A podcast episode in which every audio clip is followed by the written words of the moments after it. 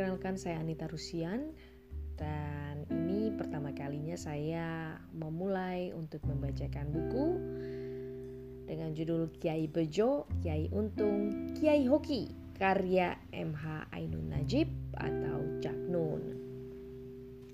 Nah, buku ini terdiri dari 238 halaman dengan 6 bagian. Bagian pertama ini berjudul Santri Teror. Langsung saja. Kalau keluar negeri, lantas dicampakkan ke forum ini itu. Terkadang saya ingin hadir hanya sebagai manusia, tetapi tak bisa.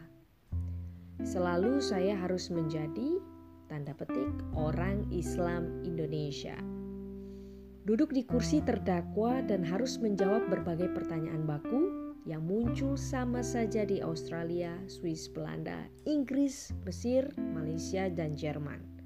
Amrozi, Imam Samudra, Azhari, bom Bali, dan bom-bom lain. Jil, Bashir, kekerasan ajaran Islam, ayat-ayat perang, Poso, Anbon, dan lain sebagainya. Tak sepadan sama sekali, tak pernah jadi tokoh organisasi Islam apa pun, tak pernah menjabat apa-apa, NU bukan, Muhammadiyah juga bukan. Pengetahuan politik sangat pas-pasan, ilmuwan mana mungkin, tetapi saya harus ikut mempertanggungjawabkan hal-hal yang saya tak tahu. Akhirnya kalau ditanya tentang konflik antar pemeluk agama di Poso atau Ambon, saya balik tanya, siapa di antara Anda yang pernah ke Poso atau Ambon? Dilalah kok tak ada, saya ulang-ulang pertanyaan itu dan tak seorang pun angkat tangan. Maka saya teruskan, daripada memperdebatkan sesuatu yang sifatnya kila wakala, kata ini kata itu, lebih baik kita bikin tim riset, cari sponsor, lantas kita pergi bersama ke tempat itu. Tinggal beberapa waktu. Ketika ditanya tentang Mbak Ashir, saya balik tanya, Siapa yang tahu alamat keluarga Ba'asyir di Jombang? Tahun berapa dia digontor? Siapa nama putra sulungnya? Siapa yang pernah hadir ke acara pengajian Ba'asyir? Dulu kenapa dia ke Malaysia?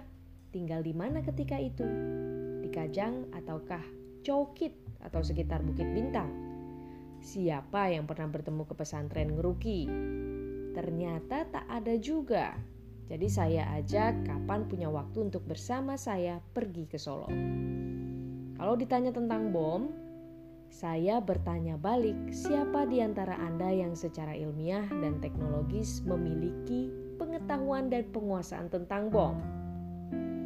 Ada berapa ratus jenis bom yang pernah dibikin manusia sesudah mesiu ada berapa ratus jenis bom yang pernah dibikin manusia sesudah mesiu diimpor dari kebudayaan pesta China. Apa beda TNT dengan C4 dengan dimona micronuklear? Bom apa yang bisa dirakit secara manual dan lainnya yang harus dibikin dengan mesin bom? Nah, negara mana saja yang memiliki fasilitas teknologi pembuatan bom sebagaimana yang diledakkan di Legian? Tak juga ada yang menjawab. Saya lega karena lantas diskusi saya bikin menjadi forum lawakan penuh gelak tawa dan sesekali romantik kemesraan kemanusiaan. Saya lantas bercerita perusahaan-perusahaan atau berbagai macam institusi ekonomi lain di Indonesia ketika para petugasnya memeriksa berkas-berkas lamaran kerja. Perhatian utama mereka adalah bidang dan tingkat pendidikan para pelamar kerja Ijazah-ijazah disortir dan yang paling pertama disingkirkan adalah ijazah pesantren, yakni sekolah tradisional Islam. Lulusan pesantren dikategorikan sebagai guru mengaji atau guru agama. Tidak ada skill di bidang kerja apa pun dan tidak ada produktivitas ekonomi atau teknologi apa pun yang dianggap bisa diharapkan dari mereka. Jumlah mereka jauh lebih banyak dibanding jumlah pelajar dan mahasiswa di sekolah-sekolah modern. Setiap hari berlangsung penolakan besar-besaran oleh arus kemajuan dunia modern terhadap kaum santri. Terjadi ketersingkiran dan marginalisasi atas mereka. Dari tahun 1970-an hingga 2000, Indonesia menghasilkan sekitar 80 juta orang berpendapatan menengah ke bawah dan tak kurang separuh dari mereka ini adalah lulusan pesantren. Mereka menjadi masyarakat bernutrisi rendah, pendidikan tak mencukupi, kesehatan tidak memadai, daya nalar sangat pas-pasan, sementara tingkat emosi dan agresivitas yang justru meningkat. Tahun 2000 ke atas jumlah 80 jutaan itu membengkak menjadi ke atas 100 juta dengan sekitar 60 juta usia produktif tetapi kualitas SDM-nya tidak mencukupi untuk menjadi bagian dari masyarakat maju yang produktif. Apalagi sampai ke tingkat kedewasaan berdemokrasi. Mayoritas di antara mereka adalah kaum muda muslimin tradisional dan semi tradisional di level bawah dan menengah bawah. Dari hari ke hari, puluhan juta kaum santri terbuang dari arus zaman. Mereka berduyun-duyun menepi ke pinggiran sejarah mereka dipaksa oleh zaman untuk menciptakan pola resistensi kultural dan psikologis secara mereka sendiri. Mereka berkembang menjadi kelompok-kelompok masyarakat yang eksklusif dan yang mungkin tidak terlalu diperhatikan oleh banyak kalangan selama ini adalah bahwa perjalanan minggir mereka itu dengan memanggul rasa dendam di punggung mereka.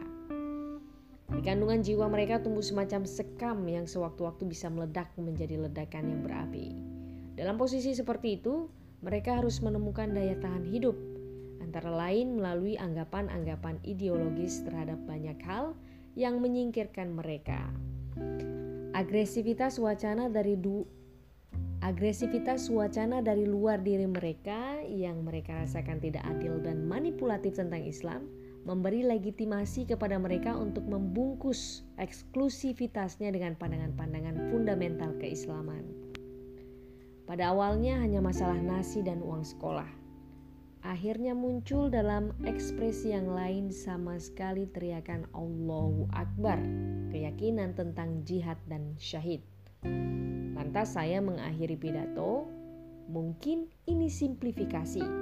Tetapi kalau memang Anda semua ini sungguh-sungguh anti terorisme, anti kekerasan yang muncul dari masyarakat muslim, Salah satu jalan yang paling efektif adalah memulai menyayangi puluhan juta kaum santri itu.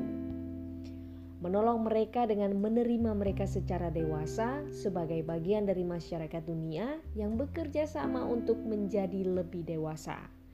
Membimbing mereka untuk memberdayakan diri mereka menjadi manusia produktif, membukakan selebar mungkin peluang-peluang agar mereka bisa bekerja wajar sebagaimana masyarakat dunia yang lain.